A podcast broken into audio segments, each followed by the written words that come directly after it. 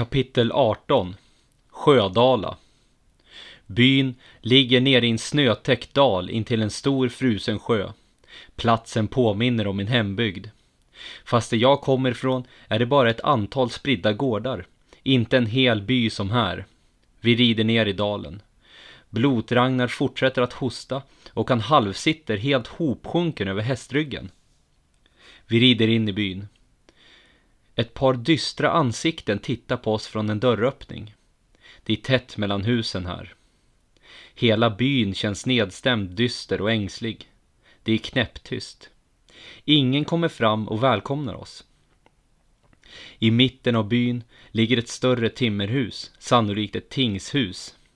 Det är avlångt och har en stor och vacker träport som är stängd. Snön ligger som ett vitt täcke på husets sluttande tak. Ett par långa istappar hänger längs sidorna. På husets ena långsida löper en lång veranda av trä. Den har ett lågt sluttande tak som hålls uppe av flera korta timmerstockar. På verandan, under det låga taket, ligger det all slags bråte. Sköldar, fiskespön, fiskenät, tomma tunnor, gamla kister och annat. I tingshusen brukar byarnas överhuvuden, jalar eller andra stormän alltid finnas till hands. Vi rider fram till huset.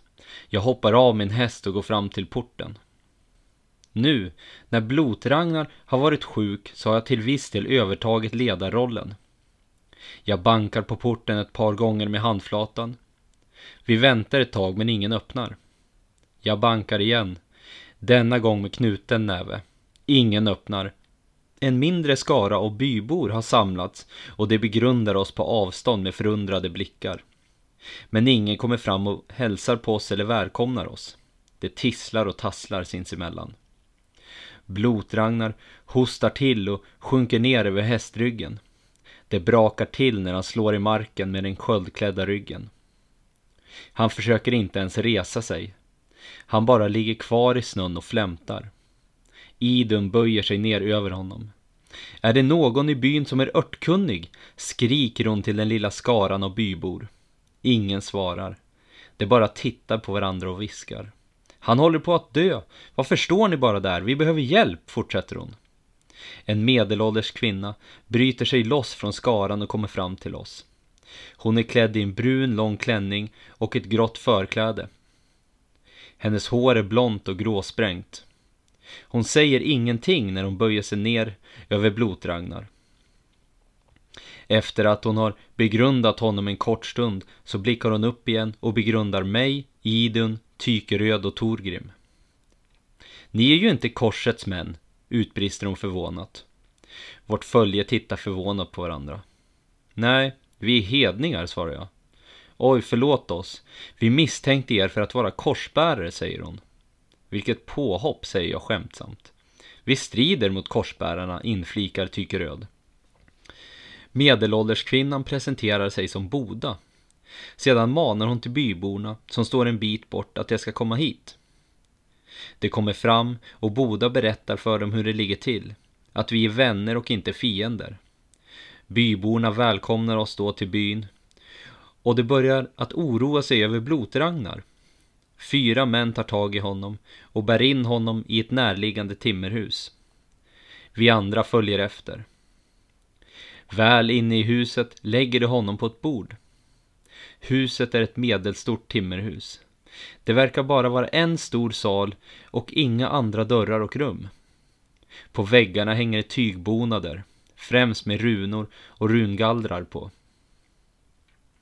Runt bordet som Blotragnar ligger på står det ett par pallar. Men det bärs bort och ständs in till väggarna. Salen är sparsamt upplyst med två stycken facklor som är fästa på varsin vägg. I ena hörnet står en järnkittel med vatten och ur den sticker det upp ett långt skaft, sannolikt av en lång slev. I samma hörn ligger även några fat, tråg och dryckeshorn. Det är ett dussin personer här inne och alla hopar sig kring bordet. Boda kavlar upp sina ärmar och en liten svart hudmålning av en runa uppenbarar sig på ena underarmen. Jag begrundar den. Hon lägger en hand på Blotragnars panna och ser bekymrad ut. Han är illa däran. Men jag ska se vad jag kan göra. Med de rätta örterna så ska han bli bra igen. Om gudarna vill, fortsätter hon samtidigt som hon ber en ung pojke att hämta hennes örtsamling. Hur kommer det sig att ni vet vilka korsbärarna är, frågar jag. Från början hade vi bara hört ord om dem av förbipasserande från Fröberga. Men en dag för nästan ett månvarv sedan så red ett tiotal av dem in i byn. Det började med att knacka dörr och berätta om sin gud och sin tro. Det påstod även att våra gudar är falska. Sedan övernattade de i tingshuset ett par dagar. Det höll hela byn i skräck. Det utlovade straff för det som blotade och det högg sönder gudafigurerna och harriet. Innan det begav sig av så dräpte det stormannen Lilltruls och hans söner, 14 och 12 år gamla. Byn blev ledarlös. Det lovade att komma tillbaks och vi har varit rädda ända sedan dess. Vi trodde att ni var dem. Det var därför ni fick ett sådant kallt mottagande här i Sjödala, säger hon. Jag berättar vår historia. Allt från händelserna i min hembygd och fram till att vi kommer hit till byn. Den unge pojken som Boda skickade iväg för att hämta hennes örter kommer in genom dörren. I hans famn har han ett tiotal små läderpungar. De är alla märkta med olika runor. Boda hämtar kitten med vatten och ett dryckeshorn och ställer dem på bordet bredvid Blotragnars huvud. Hon tar emot de små läderpungarna från pojken och ställer även dem på bordet. Sedan sträcker hon ner sina fingrar i en av dem och tar upp en nypa smulade torkade växter. Det är helande örter. Hon strör sedan ner det i hornet. Med rätt blandning kan man göra mirakel. Hon tar tre stycken nypor från tre olika läderpungar och strör ner dem i hornet. Sedan tar hon den långa sleven och fyller hornet med vatten från kitteln. Hon väntar en liten stund och mumlar något för sig själv. Sannolikt ord av sejd. Blotragnar ligger på bordet med slutna ögon och andas tungt. Boda börjar att smeka hans panna och hans skäggiga kinder för att få honom att vakna till. Det är lönlöst. Smack, säger det, när hon ger honom en hård örfil. Han vaknar till lite grann. Men är fortfarande sömnig och dåsig. Boda tar ett hårt tag i hans käke och öppnar hans mun. Sedan häller hon ner hornets innehåll i gapet. Blotragnar spärrar upp sina ögon och börjar att orma sig lite lätt. Örtblandningen smakar sannolikt väldigt beskt. När han motvilligt har svalt allt så släpper hon taget om hans käke. En sådan örtblandning om dagen så blir han bra snart, säger Boda och torkar av händerna på förklädet. Vi tar honom hem till mig. Där kan jag även bjuda er på lite varm mat, fortsätter hon. Jag, Tykeröd, Torgrim och Idun tar tag i Blotragnar och bär iväg honom. Han är tung. Vi bär honom i hans armar och ben. Boda visar vägen till hennes hus. Det är nästan precis intill. Hon bor i en liten timmerstuga. Utanför den brinner en liten brasa. När vi kommer in i stugan, bärandes på Blotragnar, så går vi raka vägen in till ett litet rum med en säng och lägger ner honom i den. Boda lägger varsamt ner läderpungarna i en kista som står i ett hörn. Stugan består av två stycken rum. Sovrummet, där Blotragnar ligger, och ett rum med bord och pallar. Vi sätter oss till bords. Boda tar fram en rund stekhäll och lägger den på brasan utanför stugan. Sedan går hon tillbaks in i stugan och hämtar ägg, kyckling, bröd, en balja vatten och lite granris. Efter en liten stund är maten klar. Stekt kyckling, stekta ägg, bröd och granrissoppa. Fager hudmålning, vem har gjort den? Frågar jag Boda under måltiden. Den är gjort här i byn, hos Runtor, svarar hon. Jag vill gärna tro att den alstrar god kraft, fortsätter hon samtidigt som hon begrundar sin egen hudmålning. Jag skulle gärna vilja ha en egen, säger jag. Jag kan prata med Runtor om du vill, säger Boda. Ja, det vore snällt, svarar jag. Vi äter upp maten och tackar för oss. Boda visar oss till ett närliggande hus där vi får övernatta. Där finns det sängar med filtar och mjuka bottnar av halm. Blotragnar får ligga kvar och kurera sig hos henne. Dagen efter kommer Boda till det lilla huset där vi spenderat natten. Den bekvämaste natten på mycket länge. Hon kommer fram till mig och säger att Runtor är redo att ta emot mig. Jag blir upprymd och lite nervös. Jag har stött på folk med hudmålningar förut och vissa säger att det gör ont att göra dem. En gång stötte jag på en vandrare som hade hela överkroppen täckt av hudmålningar. Med bilder av träd, djur och annat. Boda visar vägen till Runtors hus. De andra stannar kvar i stugan och fortsätter att åtnjuta de bekväma sängarna. Jag går fram till huset som Boda pekar mot och knackar på dörren. Efter bara ett ögonblick så öppnar en ung man. Han är iklädd en ärmlös tygtröja och har sitt långa mörkblonda hår uppsatt i en hästsvans. Hans blottade armar är fulla av hudmålningar. På hans ena axel har han två stycken svarta korpar med utsträckta vingar som sannolikt ska vara Odens korpar Hugin och Munin. På hans andra axel har han en stor hudmålning av Tors hammare Mjölner. På hans ena underarm har han en röd eld vars flammor når ända till armbågen. På hans andra underarm har han en svart orm som slingrar sig runt armen och över resten av armarnas hud har han utspridda små svarta krumelurer och runor. Jag presenterar mig. Han säger att Boda har berättat om mig och att han har väntat mig. Vi går in i huset och han leder mig till en liten pall som jag sätter mig på. Vad vill du ha för något och var ska den sitta? frågar han. Jag vill ha en skräckhjälm och jag vill att den ska sitta här, svarar jag och pekar på insidan av min handled.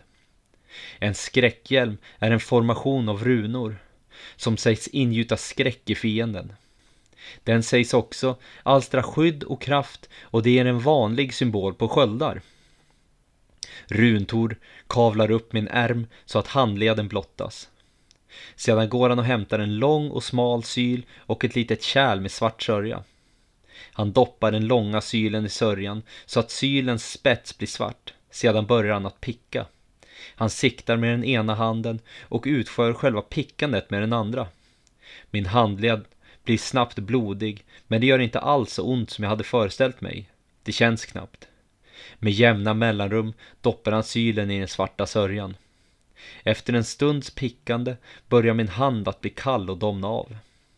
Efter en lång tids pickande, nästan tills att solen gått ner, så är hudmålningen äntligen färdig. Jag begrundar min handled. Det är ett rödsvart sår i form av en skräckhjälm. Jag är riktigt nöjd. Ett tjugodal dagar förlöper. Min hudmålning har läkt och blotragnar har blivit frisk. Han fick en örtblandning om dagen och blev bättre för varje dag som gick. Redan efter tio dagar så var han helt återställd och bodde därefter med oss andra. Idag är det midvinterblot, som även kallas julblot. Och det är det viktigaste av bloten och den största festen. På midvinterblotet ger man inga gåvor till gudarna. Istället ger man gåvor till varandra. Men i dessa märkliga tider av krig så har vi, följet, bestämt oss för att inte ge några gåvor i år. Tingshusets port har öppnats för första gången sedan vi red in i byn. Det är där blotet ska hållas. Jag har därför haft tingshuset under uppsikt hela dagen. Fat, kärl, tråg och tunna efter tunna har burits dit. Det verkar att bli ett påkostat blotgille. Sjödalaborna och andra tillresta börjar att anlända till blotet. Även vi går dit. Jag går in genom den vackra träporten. Det är en stor sal med mängder av långbord och bänkar. Som ett tingshus vanligtvis ser ut. Det finns dock inga gudafigurer.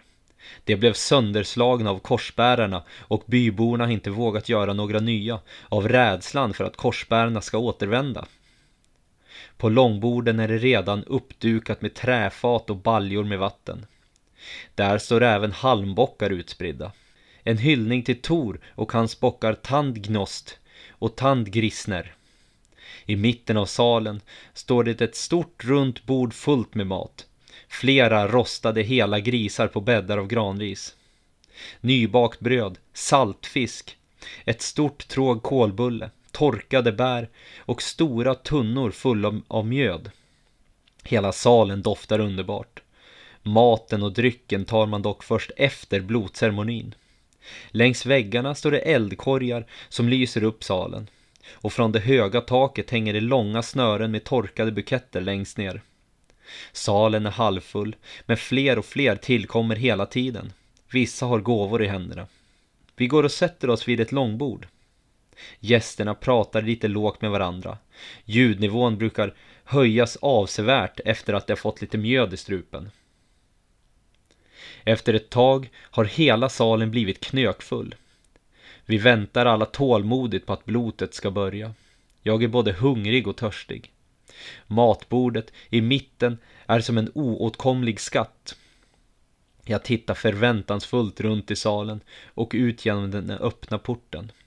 Utanför är vädret milt. Vi väntar ytterligare ett tag. Ingen säger något och ingenting händer. Efter ett tag så hörs en dov kvinnosång utifrån. Hela salen blir knäpptyst och alla lyssnar. Fotsteg hörs i snön utanför och det kommer närmre. In genom porten kommer ett märkligt följe.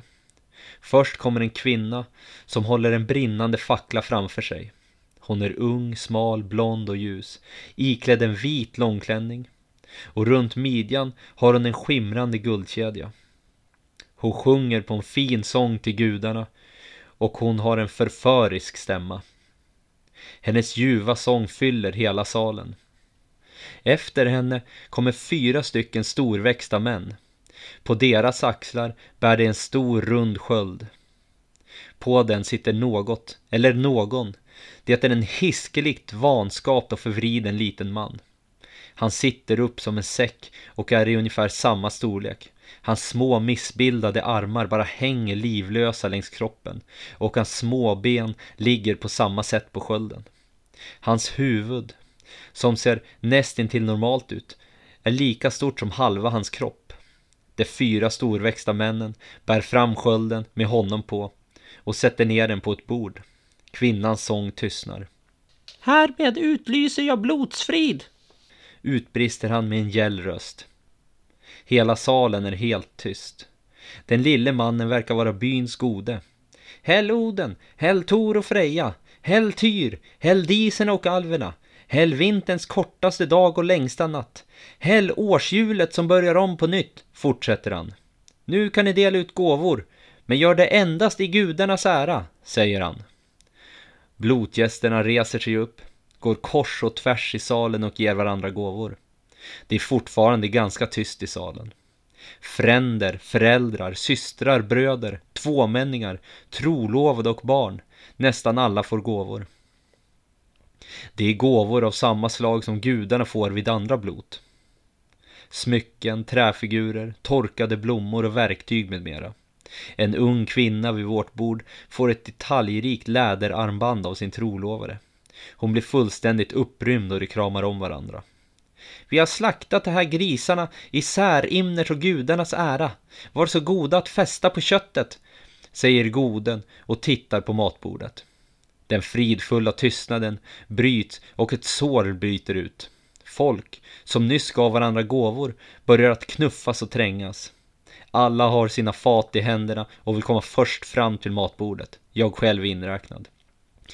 Faten och hornen fylls med mat och mjöd. Stämningen är på topp och maten är god. Ätandet, drickandet, skallandet, sjungandet och festandet fortsätter långt in på natten. Jag visar med glädje upp min nya hudmålning för nyfikna blotgäster. Fyll era sista horn och drick det sista av jul, utbrister den lille goden plötsligt. Alla vet vad som gäller och fyller sina horn ur de stora tunnorna. Därefter reser sig alla upp, håller sina horn i luften, önskar varandra god jul och sedan sveper sitt mjöd. När hornen är tomma så vänder man den upp och ner. Gästerna tackar för sig och börjar att bege sig. En av de fyra männen som bar skölden som goden sitter på kommer fram till vårt bord. Goden önskar er närvaro, säger han befallande.